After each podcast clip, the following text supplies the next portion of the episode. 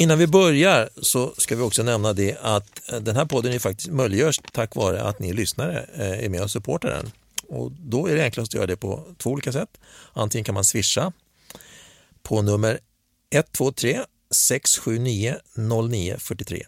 Alltså 123 679 0943. Eller om man är lite mera fläng i det här, man säger i Värmland, så kan man betala in till bankgironummer 5528-2834. 5528-2834.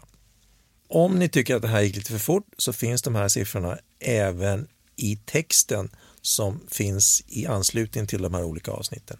Och det spelar ingen roll om ni lyssnar på Spotify eller någon annanstans. I texten kring avsnittet så finns de här siffrorna. Där satt den. Där satt den.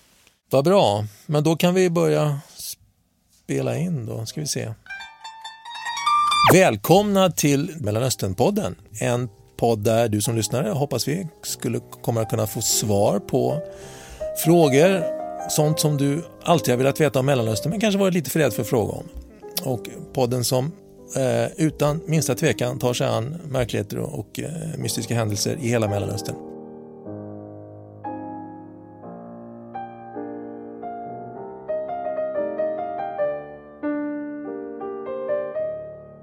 Dagens gäst är Nathan Sachar, Eh, DN-korrespondent i Israel sedan 80-talet. Han har också givit ut flera böcker, inte bara om, om, eh, om den regionen utan om Sydamerika, om Spanien där han också har tillbringat ganska mycket tid.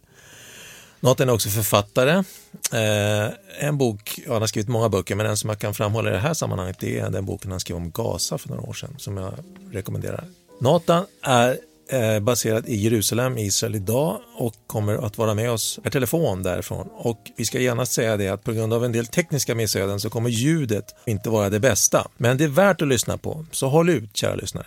Välkommen till Mellanösternpodden Nathan Sachar från Jerusalem. Tack ska ni ha. Låt oss börja det här samtalet med eh, något av det senaste som har hänt i regionen, nämligen den normalisering som har ägt rum mellan å ena sidan Israel och å andra sidan Bahrain och Förenade Arabemiraten.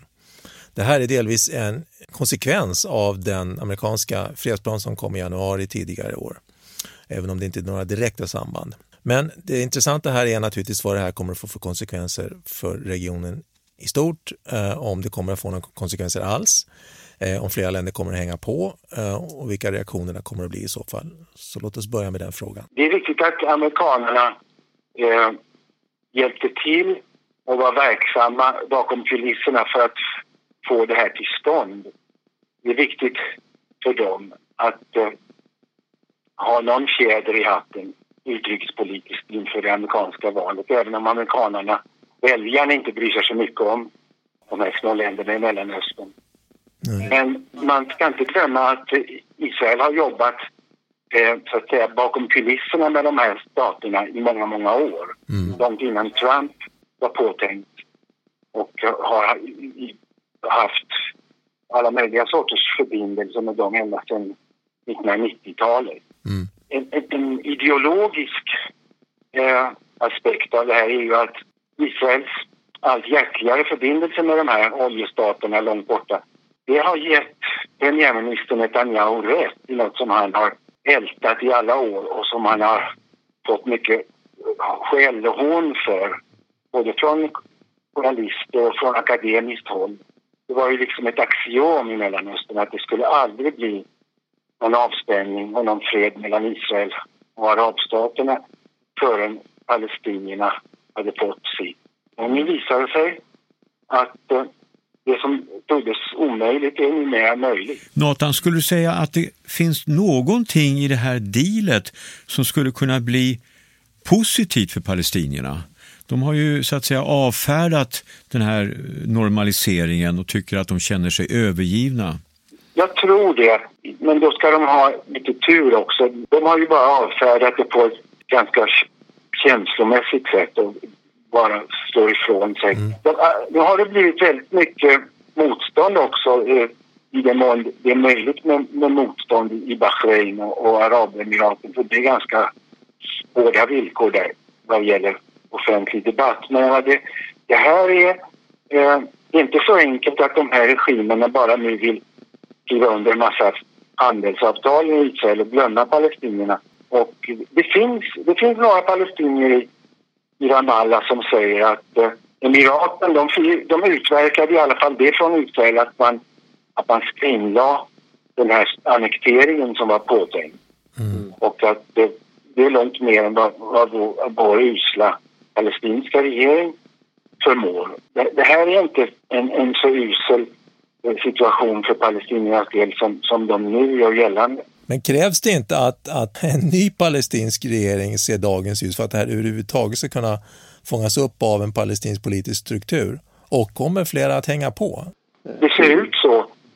Det har kommit signaler, alltså de här små, både Emiraten och det eh, mikroskopiska Bahrain har ju inte gjort det här utan att inhämta eh, grönt ljus från Saudiarabien. Eh, och eh, även från Kuwait som är ett viktigare land och som inte är, är, går i saudiernas ledband. Därifrån har också hört lite eh, vänligare signaler än tidigare. Och eh, Sudan håller ju på att förhandla med USA om att tas, tas bort från den här listan över terrorstater och ett av villkoren där tydligen, USAs villkor, det är att, att Sudan också knyter förbindelser med Israel. Men om man backar tillbaka till Trumps fredsplan så har ju den trots allt då lett till vissa saker. Bland annat så har ju palestinierna presenterat ett motbud som finns hos den så kallade kvartetten. Kvartetten som nämns här består alltså av EU, USA, eh, Ryssland och FN. Det här motbudet, är, tror du att det kommer att spela någon roll? Har det någon vikt? Nej, det tror jag inte. Inte för att det skulle vara särskilt eh, dumt eller tokigt, själva förslaget. Men den här kvartetten som ju var en realitet i början av seklet, den har inte hörts av på mycket länge. Nej. Och eh, relationerna mellan alltså EU, Ryssland USA är så pass eh, ansträngda av andra skäl. Så att, alltså jag har svårt att se att, det, att alla de här eh, aktörerna skulle plötsligt börja agera eh, kraftfullt för palestiniernas räkning. Det, det, tyvärr, därför att det var den här kvartetten och, och den här saudiarabiska fredsplanen, det var ju en förnuft, ett förnuftigt initiativ. Men kan man ändå inte tycka, Nathan, att det är intressant att det är första gången någonsin som palestinierna kommer med ett motbud istället för att enbart säga nej? Jo, det är riktigt. På det planet, på det ska vi säga, psykologiska planet, så är det intressant för de har sent om sidor uppfattat detta att, att de måste också agera. De kan inte bara visa upp en skylt som är nej eller ja.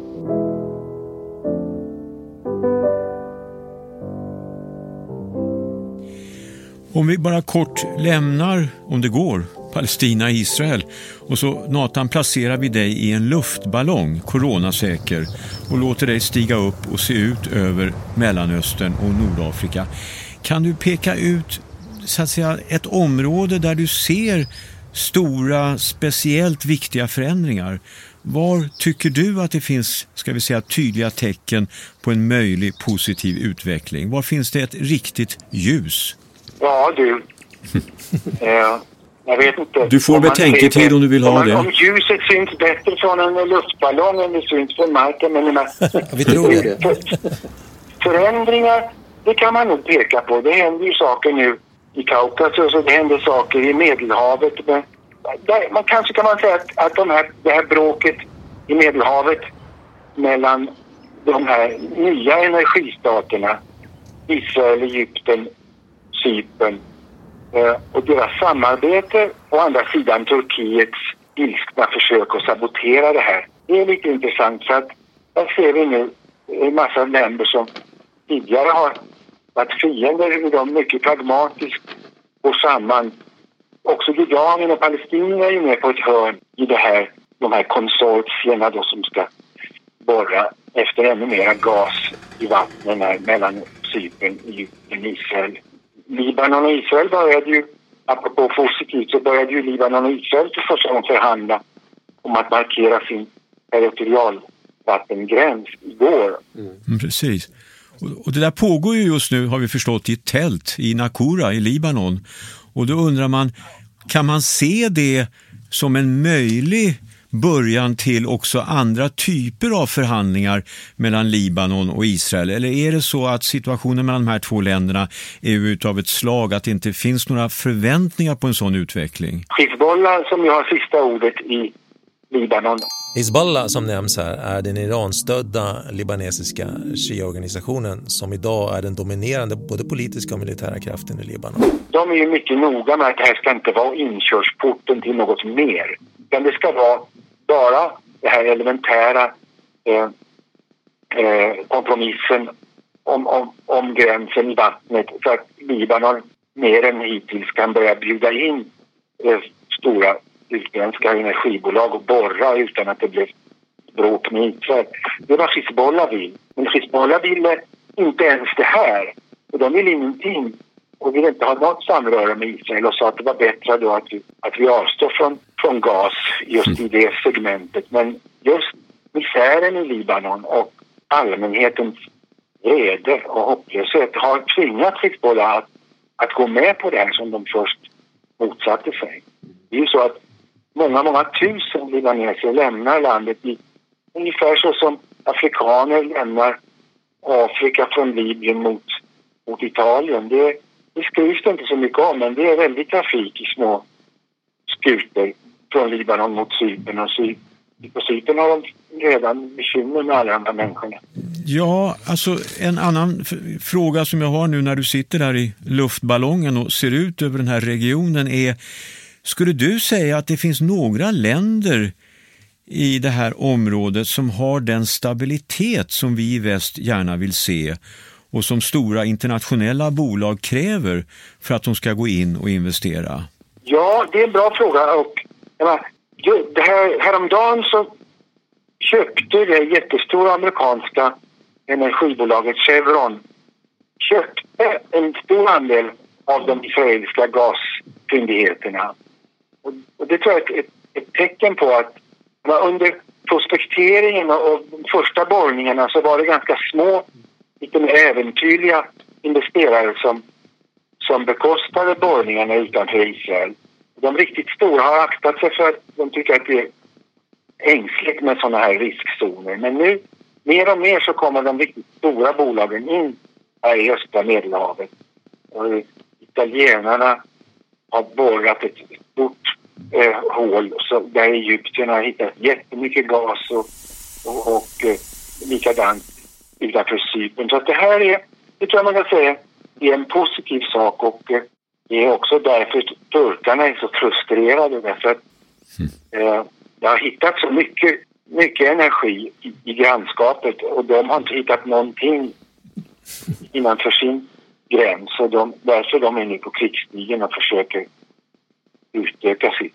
Om vi, om vi håller oss kvar lite där. Det är tio år sedan nu den arabiska våren bröt ut, eller vad vi nu ska kalla det.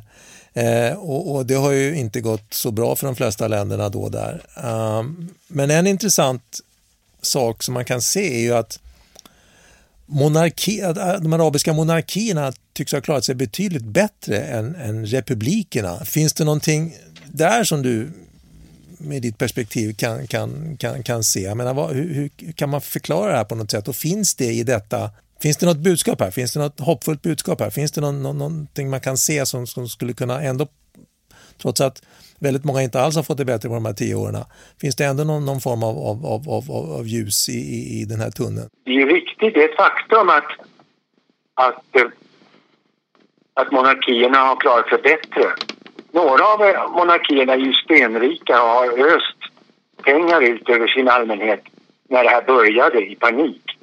Några av dem, Jordanien är ju fattigt och Marocko är fattigt men de fick en viss hjälp från de rika oljestaterna för eh, man blev ju vettskrämda där i början av mm. den så kallade våren. Om det skulle vara så att de här ganska auktoritära kungadömena är förebilder så är ju inte heller det så en god nyhet. Nej, det är sant. men, men människorna i Mellanöstern har lärt sig att värdera stabilitet på ett annat sätt än tidigare. Menar, drömmen om, om frihet och demokrati, den var ju...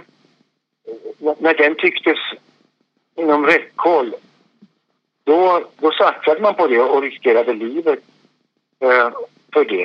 Eh, det slår mig nu innan, innan, innan vi lämnar den där frågan om ljuspunkter att en stor ljuspunkt eh, generellt i, i Mellanöstern det är ju det som har hänt, kanske indirekt via den arabiska våren, att den gamla arabisk-israeliska konflikten som vi har ja, som har förstört mig i många år och många andra, den är över. Den finns inte längre. Det finns ingen arabisk-israelisk konflikt. Den som vi höll på med på, i våra nyhetsmedier decennium efter decennium oroade oss över att araberna skulle, israelerna skulle råka i krig och att det skulle bli en större stormaktskollision efter det.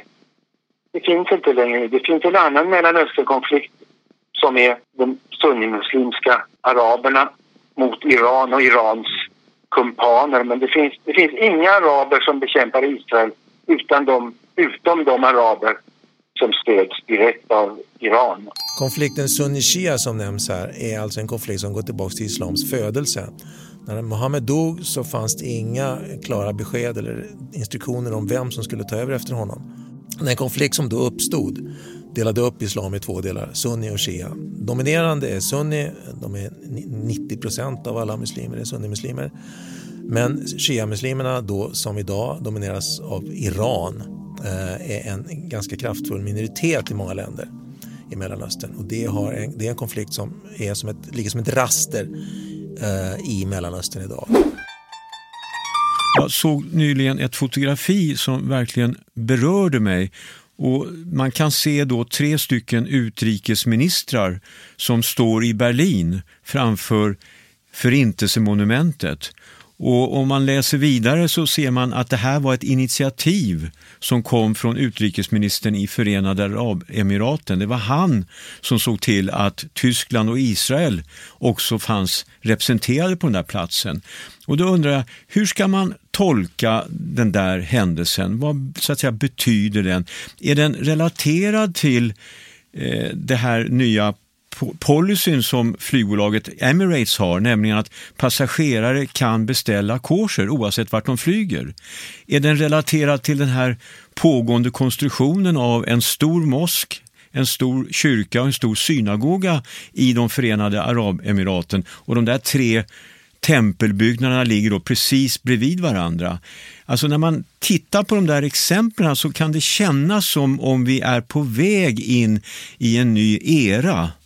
Vad, vad, kan du säga om det? Jag tror att det du nämner nu är, är ännu viktigare än den här så kallade normaliseringen med Israel. För att det här är verkligen ett djupgående paradigmskifte. Om man minns hur tongångarna var i de där länderna fram till rätt nyligen med ganska råa antisemitiska utfall från olika sorters predikanter och andra. Men just det här att de, det är mycket djärvt att de också inte bara gör de här sakerna utan att de nu också vill visa upp dem. Jag till exempel bara när Dubai kom till och blev en stor handelspunkt. Och då sa man alla får komma hit, ingen behöver betala skatt, bara ni inte sysslar med knark och inte med vapen. Och Dubai blev en succé. Och de vill fortsätta och bli ännu mer framgångsrika och öppna upp på många sätt. Och det här betyder också att de har intresserat sig för hur, hur judar och hur israeler tänker. Och eh, inte bara älta vad de vill ha utan att, att de vill demonstrera att de så att säga också är mentalt redo för, för ett riktigt samarbete. Jag tror att det här, det här kommer att eh, det har redan gjort väldigt stort intryck, positivt och negativt, i andra arabländer. I detta, för det har diskuterats, är det här en normalisering som är så att säga beordrad uppifrån? Det kan man ju säga att det delvis är, men både från Bahrain och, och Arabemiraten och på andra håll också så hävdar man ju att jo, men det finns ett folkligt stöd för det här. Gör det det? Jag tror att i, i Emiraten, Emiraten är också ett lapptäcke av massa olika ställen. Men jag tror överlag att det finns eh, eh, en öppenhet. De har inga val och inga riktiga opinionsundersökningar. Men jag skulle tro att de har, att de har eh, ett, ett, ganska brett folkligt stöd för det här. Och de israeliska journalister som promenerade där när, när det här genombrottet kom på gatorna både i Abu Dhabi och i Dubai. De, de kände sig välkomna. Och, man, och det här är ju definitivt ljuspunkter. Jag, jag tycker man, man kan bli berörd av de här förändringarna. Men man placerar dig tillbaka in i den här luftballongen och frågar hur ska man förstå det som tycks vara arabländernas oförmåga att anpassa sig till en föränderlig och moderniserad värld. Alltså det är någonting i den här stagnationen eller passiviteten eller stillaståendet som jag tycker är märkligt. Inte minst med tanke på att vi pratar ändå om en region som är granne till det avancerade och expansiva Europa. Vad kan man säga om det? Den här stagnationen och låg som ett, ett täcke över många arabstater. Den var, den var en, en drivkraft bakom den arabiska våren. Det hände ingenting och även om någon fick en god idé och så kunde han inte få ett banklån för att eh, göra något av idén. Och både i Syrien och Egypten så var det försvaret och armén och diktaturen som bestämde över ekonomin. Och ekonomin var ett stort client-patron-system där allting skedde genom kontakter. Det här är ett väldigt kompakt, svårforcerat element. Det är länder som inte kan slå mynt av sina egna begåvningar. Du, du nämnde det tidigare, eh, att, att den arabisk-israeliska konflikten eh, har försvunnit mer eller mindre från, från, från, i alla fall från, från eh, högst upp på agendan. Men det faktum att Iran ses som ett så stort hot och det faktum att till exempel då, eh, som du också var inne på, att Turkiet har lierat sig lite med Iran här på olika sätt. Kan, kan du säga någonting om det? Därför att det, det iranska Ja, hotet är väl inte för mycket sagt. Det var en intervju med eh, Arabemiratets ambassadör i USA tror jag, eh, för ett tag sedan där han, där han sa vad, vad, har Iran, vad har Iran någonsin givit för bra till regionen? Ingenting och så vidare. Alltså Iran har ju spelat Israel i händerna på senare år många, många gånger. Inte minst då under de senaste par åren när man till och med har, har riktat direkta angrepp mot Saudiarabien och mot sjöfarten i Persiska viken och Röda havet. Mm.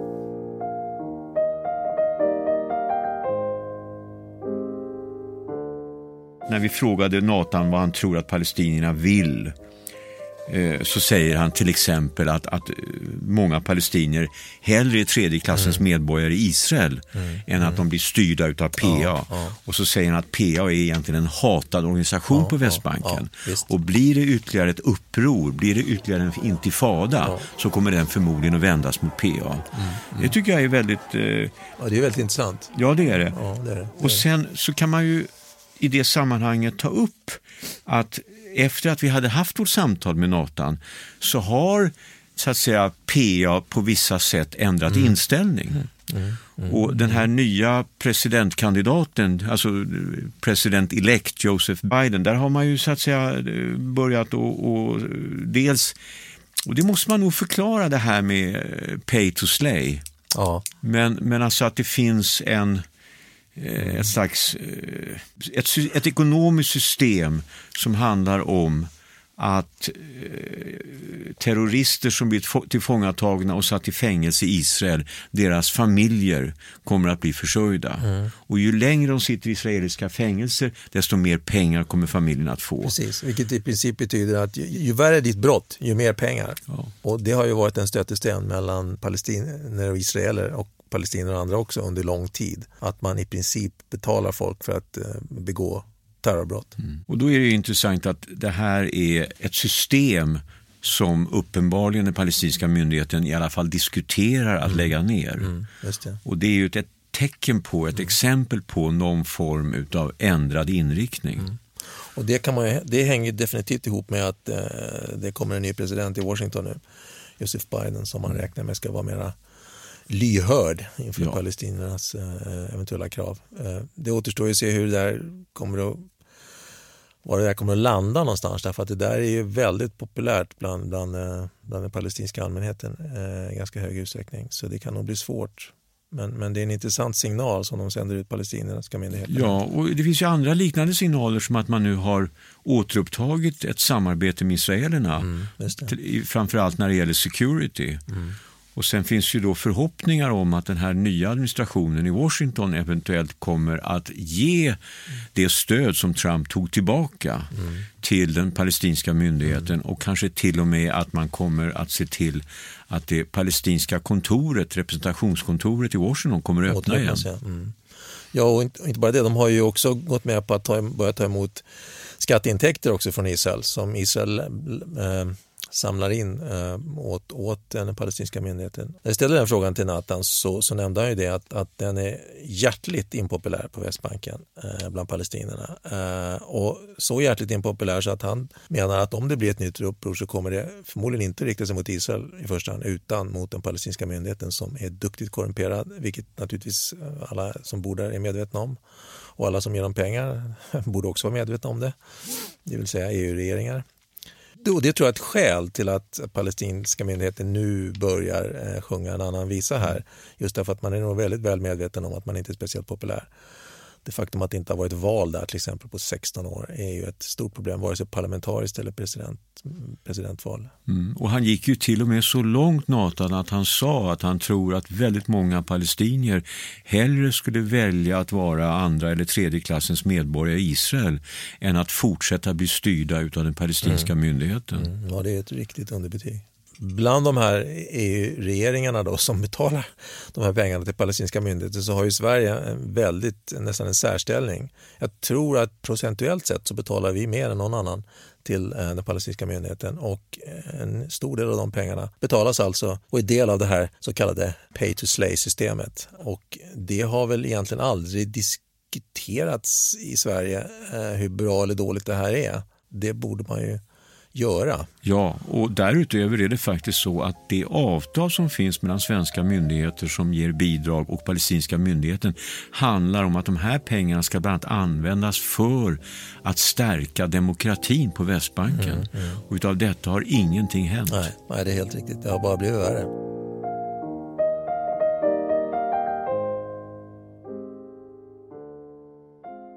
Om man för att runda av det här på något sätt då, tittar både, nu har vi både tittat lite mer specifikt och höjt blicken.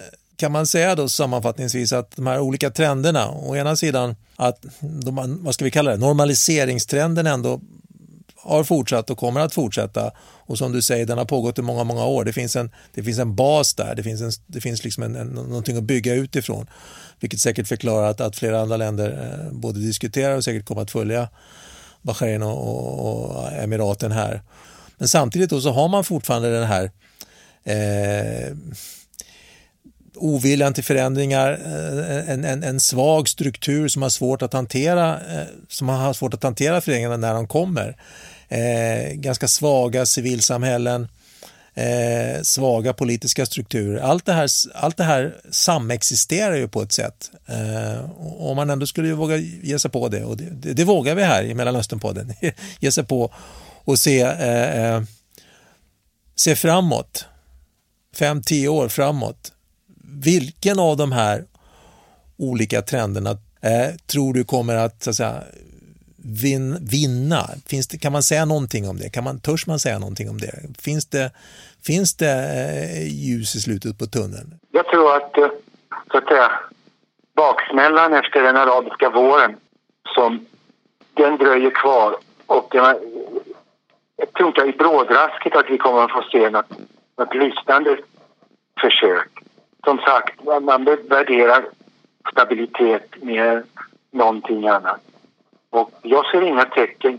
Det finns, det finns ju lite små fläckar av frihet i, den libanesiska pressen. Och, men utanför Israel, som också har ett jättestort demokratiproblem som inte har berört.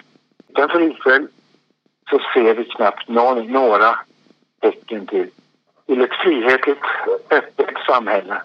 Det finns vissa ekonomier som är ganska fria. Mm. Men de är också politiskt kontrollerade. On that happy note, då får vi tacka dig Nathan att vi fick störa. Uh, tack så jättemycket att du tog dig tid. Tack. Jag instämmer. Stort tack Nathan. Tack så mycket. Tack ska ni ha. Lycka till. Vad kan man säga efter att man har lyssnat på Nathan? Mm. Och, och, Vad man kan säga är ju egentligen att det finns utrymme för förändringar men det kommer gå långsamt. Mm. Och det finns också starka krafter som motsätter, motsätter sig förändringar. Ja, exakt, Jag tycker det var väldigt bra när han pratar om hur den här stagnationen har att göra med att det finns ingen infrastruktur som öppnar upp för innovation. Nej, nej. Och Det är svårt att få banklån och liksom, det är mm. låst. Mm. Det är väldigt begränsat det är väldigt på det sättet. Jag, jag tror att det, det illustrerar den här kräftgången som de här länderna har haft, både ekonomiskt och politiskt, under hela den tiden de har varit självständiga. Eh, det, det finns inget fint sätt att säga det på annat än att det, det, det, är så här. Och det är ju en blockering som är otroligt svårt att komma, komma runt. Jag, jag, tror att en annan sak som man tänker på efter det här samtalet är att efter den arabiska våren 2010-2011 så fanns det ju en, en förhoppning om att det skulle ändra sig. Men det har ju kommit på skam och det är inte så konstigt just därför att de här, de här eh, strukturerna är så fientligt inställda till all, all form av förändring. All form av att öppna upp på nytt. Det enda riktigt bra exemplet är ju Tunisien då. Mm. Men det är ju väldigt, bara, det är skakigt även där. Men samtidigt så betonar ju Nathan att den här normaliseringen är början till någonting nytt mm. och att det kanske finns en tendens, en rörelse mot ett paradigmskifte Precis. som den här regionen skulle må bra utav. Ja, det tror jag. Men samtidigt kan man då tillägga att, att Nathan är ganska så försiktig när han pratar om vilka möjligheter det, det finns framöver mm. till stora förändringar. Mm. Det kommer att ske, men det kommer att ske långsamt och det finns uppenbarligen starka krafter, precis som du säger, som eh, är, om inte motståndare, så i alla fall väldigt försiktiga mm. med att saker och ting ska förändras. Mm. Just det, just det. Nathan har själv skrivit i en, en DN-artikel, erinrar jag mig nu, att, att demokrati växer lika långsamt som mossa på en sten. Det tycker jag är ett utmärkt citat som passar väldigt bra här. Mm.